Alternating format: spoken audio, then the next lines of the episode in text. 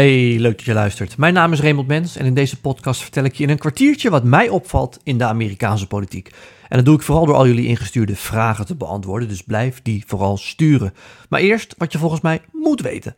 En dat is dat de Amerikanen stiekem in hun vuistje lachen over wat er in Oekraïne gebeurt. Ja, dat klinkt heel vals en zo bedoel ik het niet, maar eigenlijk toch ook weer een beetje wel. Want de Amerikanen kijken toch ook best wel een beetje grinnikend naar wat er in Oekraïne gebeurt. Natuurlijk vinden ze het heel erg wat daar gebeurt. Dat vindt natuurlijk iedereen, althans dat mag ik hopen. Maar je ziet, dat wordt in Amerikaanse media uitvoerig belicht. Dat zie je ook in Nederlandse media, andere internationale media. Je ziet dat de Russische opmars, als je het nog zo mag noemen, in Oekraïne toch echt wel een stuk langzamer gaat dan dat de Russen dat gepland zouden moeten hebben. Uh, die kolonne waar veel over gesproken wordt hè, de afgelopen dagen, die al heel lang onderweg is naar Kiev, die een paar mijl per dag ongeveer aflegt. Ehm, eh, het feit dat ze een aantal steden in Oekraïne hebben veroverd, maar toch weer niet hebben veroverd. Daar wordt in Washington toch, met name als de camera's uitstaan, een beetje over gegrinnikt van is dat nu alles wat Moskou laat zien? Het is algemeen bekend natuurlijk in Amerikaanse veiligheidskringen dat het Russische leger niet vergelijkbaar is met het Amerikaanse leger, niet vergelijkbaar qua grootte, maar zeker niet uh, vergelijkbaar qua uh, inzet van mensen. Ze, hebben daar, uh, ze leunen daar meer op een dienstplicht dan dat ze echt op mensen leunen die graag in het leger willen zitten. Materialen zijn vaker verouderd, ook die beelden zien we veel op het nieuws. Tanks en vrachtwagens die langs de kant van de weg staan, die achtergelaten worden puur omdat ze niet meer mee kunnen. Nou, de Amerikanen kijken daar toch ook wel een beetje naar van, is this all you've got? Hè? Is, is dit nu de staat van jullie uh, leger? En dat dat nu voor de wereld zo zichtbaar wordt, dat dat grote land, dat in vergelijking kleine land, hè, vergelijkbaar met Texas, uh, wordt steeds in Amerika gezegd 44 miljoen mensen. Een groot land, maar dus desalniettemin in vergelijking met Rusland een klein land. Dat dat land de Russen zoveel problemen oplevert. Uh, ja, in Amerika wordt er toch smalend uh, naar gekeken. En deze week was op CNN in het programma van Christian Emanpour generaal David Petraeus, oud-generaal David Petraeus, onder andere ook baas van de CIA geweest. En die vatte eigenlijk samen hoe desastreus het Russische leger momenteel opereert. En hij noemde het woord amateuristisch meerdere keren. And then on the battlefield, it's going terribly. Uh, they have a flawed operational concept proceeding along seven different axes of advance, not weighting the main effort on Kiev, where, of course, the main objective is just to topple President Zelensky and his government uh, and to replace it with one that is uh, pro Russian. Uh, they haven't achieved air ground integration. They haven't employed their cyber capabilities all that effectively. Uh, they're not performing adequate logistics, and they haven't even achieved combined arms. In other words, infantry, armor, uh, and artillery all together. And they're facing a citizenry that universally hates them uh, with forces that are fighting on their homeland, uh, home field advantage, know the terrain and the people, um, and and the citizens themselves, many of them volunteering uh, to fight the Russians. So you noted that I was part of an invasion force uh, when I was a two star general. Um, I can't imagine going into a country where everyone, again, wants to take up arms against you as opposed to being applauded, as we were at the beginning. I mean, we were seen as an army of liberation uh, at the beginning in Iraq because no one loved Saddam Hussein. They hated him. Uh, of course, an army of liberation can become an army of occupation pretty quickly if you don't watch out. And we learned some tough lessons there. But I cannot imagine a more difficult situation for the Russians uh, on the ground. Uh, they're now going to be joined by the Belarusians, who are less competent even than they are. Uh, noting that again, the Russian performance has been truly underwhelming, and the Ukrainian performance has been extraordinary. Ja, generaal Petraeus vat eigenlijk uh, wat de Amerikanen denken, hè, wat de Amerikaanse militairen en inlichtingendiensten denken, een beetje samen. Het is allemaal heel erg treurig. En daar wordt dus in Amerika, ik kan het niet mooier maken dan het is, toch ook wel een beetje over gelachen. En dat tekent ook meteen de ernst van de situatie. Want ik kan me voorstellen dat je nu luistert en denkt van ja, maar uh, Raymond, die mensen in Oekraïne die vechten voor hun veiligheid, die vechten voor democratie, die vechten voor hun voortbestaan, letterlijk en figuurlijk. Het voortbestaan ook van hun land. En dan kijkt Amerika er met zo'n bril naar? Nou, het een sluit het ander niet uit. Hè. Natuurlijk vinden de Amerikanen het net als iedereen heel erg. Maar dit is wel degelijk een element wat de afgelopen dagen steeds meer doorcijpelt. En dat past in een breder plaatje van een aantal toch positieve ontwikkelingen die er helaas voor Oekraïne uit deze vreselijke situatie uh, komen.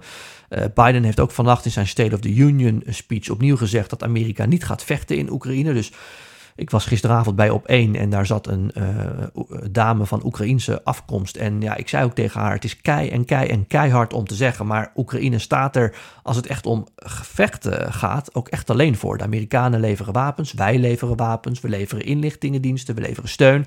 Maar uiteindelijk op het slagveld staan ze er alleen voor.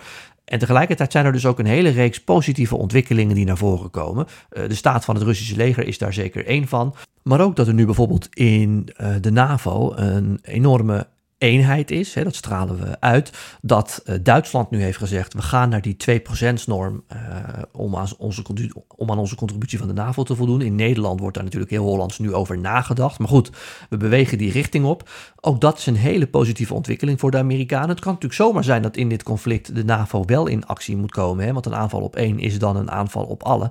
En president Biden wil die commitment uh, wel degelijk aangaan, maar dat is natuurlijk een stuk makkelijker voor hem en ook voor toekomstige Amerikaanse presidenten een stuk makkelijker te verdedigen als uh, landen als Nederland, Spanje, Duitsland ook echt aan die 2%-norm uh, voldoen en het liefst er ook nog een stukje overheen zitten. Dus ook die extra investering van NAVO-landen, uh, dat is een ontzettende positieve ontwikkeling die uit dit vreselijke conflict komt. Nou, er komt nog bij dat Poetin nu eigenlijk door een heel groot deel van de wereld als paria wordt weggezet dat uh, de Russen uit het hele financiële systeem worden geknikkerd, keihard worden aangepakt. En dat is iets waar uh, de Amerikanen ook wel blij mee zijn dat dit nu gebeurt.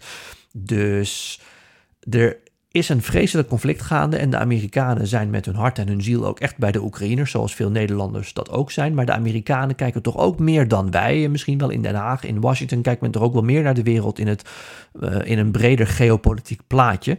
En uh, dan zijn er toch ook een aantal positieve ontwikkelingen die uit dit conflict komen. Dat de NAVO-landen eindelijk gaan betalen. Dat die westerse wereld verenigd lijkt en Poetin aangepakt wordt. Dat China op een gegeven moment misschien wel kleur moet uh, bedienen. Heb ik net niet genoemd, maar ook dat is belangrijk. Maar het meest belangrijke is nog wel dat we nu een inkijkje krijgen in de staat van het Russische leger. En dat stemt de Amerikanen heel tevreden. Want ze zijn op zijn zachtst gezegd niet onder de indruk. Goed, tot zover mijn kijk op de actualiteit. Nu naar de vragen die jullie hebben ingestuurd, onder andere via Twitter, LinkedIn en Instagram.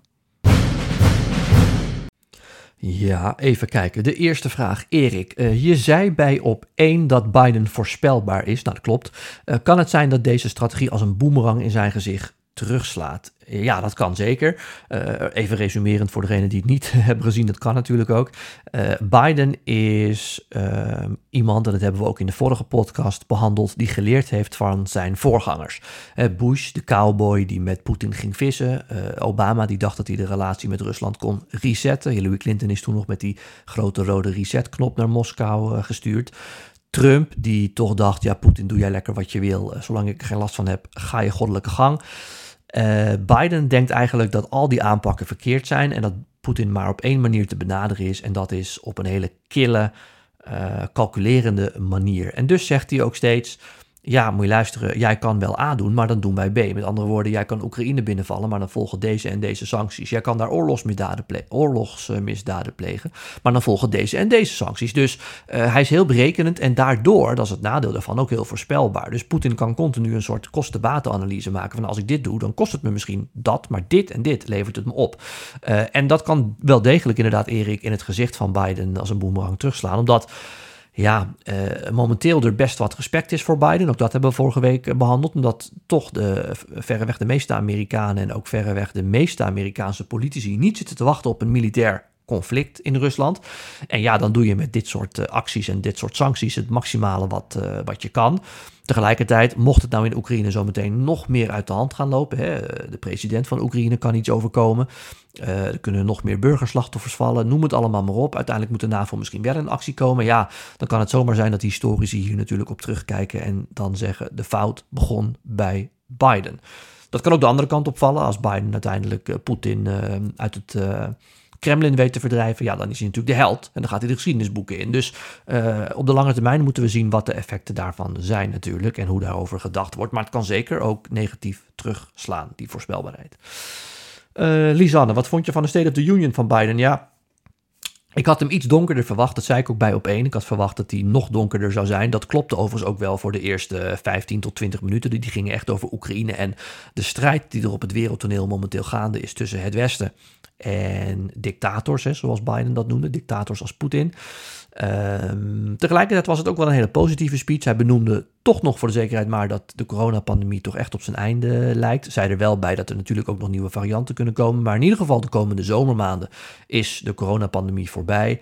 Uh, hij noemde terecht ook, denk ik, de enorme, enorme investering die hij heeft gedaan in Amerika's infrastructuur. Daar worden echt triljarden uitgegeven om bruggen en wegen en waterleidingen en uh, internetverbindingen op te knappen en aan te leggen. Dus dat is uh, denk ik heel goed dat hij dat heeft gedaan. Dus ik denk over het algemeen dat, uh, dat hij voor die speech goede cijfers kan krijgen. Ik vond een sterke speech, maar het was wel een typische Biden speech. Dus hij heeft ook een paar keer natuurlijk weer wat foutjes gemaakt. Hè. Op een gegeven moment zei hij geloof ik dat de Russen de Iraniërs er niet onder krijgen. Nou, we gaan er maar vanuit dat hij Oekraïners bedoelde. Maar ja, dat is nou eenmaal Biden. daar kunnen we niks aan doen. Overigens uh, het laatste nieuws uit Amerika is dat de Amerikaanse inlichtingen en veiligheidsdiensten serieus onderzoek doen naar de mentale gesteldheid van Poetin.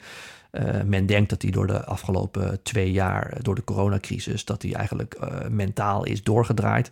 Nou, ik kan me voorstellen als je in Moskou tv kijkt, dat men ook wel wat vragen heeft over de mentale gesteldheid van de Amerikaanse president. Dus dat zal denk ik beide kanten op gaan. Maar al met al een goede speech. Uh, Aliona vraagt, waar is Biden? Ja, daar zul je mee bedoelen dat je misschien wil dat hij toch meer ingrijpt in Oekraïne dan hij nu doet. Maar ja, ik heb het vaker gezegd, Biden is nog meer dan Trump America First. Uh, dat zag je ook op de snelle wijze waarop hij Afghanistan verliet. Een land waar Biden van vond dat de Amerikanen er überhaupt niet hadden moeten zitten zo lang. Biden was ook degene die over Irak zei, joh, laten we dat land lekker opdelen in verschillende kleine landjes en let's get out of here.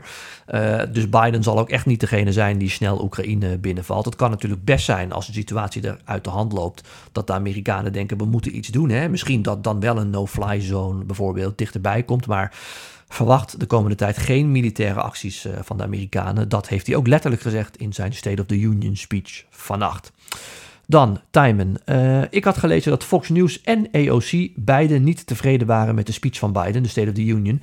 Betekent dit dat het een hele algemene, misschien centristische verbindingsspeech was? Of omdat er gewoon weinig visie in zat? Of was het wat anders? Ja, dat eerste denk ik, uh, Tijmen. Uh, Biden zit natuurlijk ook niet in het Witte Huis omdat hij ontzettende progressieve en vooruitstrevende ideeën heeft. Biden zit in het Witte Huis omdat hij Biden heet en niet Trump. Uh, en uh, Biden is ook een hele centristische, uh, middle of the road politicus. Met andere woorden, zijn ideeën, zijn achterban, dat zijn echt mensen in het politieke midden. Dus ik denk eerlijk gezegd dat als zowel Fox News als progressieve democraten, waaronder ook AOC, als die niet tevreden zijn met de speech van Biden, dat ze in het Witte Huis nog eventjes een flesje wijn opentrekken. Want dat vinden ze helemaal niet erg als een uh, breed, uh, uh, breed scala aan kiezers in het politieke midden, de wat meer gematigde kiezers, als die maar denken, hé, hey, dat heeft Joe toch maar weer eens goed gedaan, dan zijn ze denk ik tevreden. Goed, het kwartier zit er alweer op. Dank voor jullie vragen. Volgende week weer een nieuwe aflevering in je overzicht. En ook dan weer beantwoord ik jullie vragen. Dus heb je nou een vraag, stuur die dan ook vooral op. En dat kan via Twitter, LinkedIn, Instagram. En dan beantwoord ik die vraag volgende week in een nieuwe podcast. Tot zover. Tot volgende week.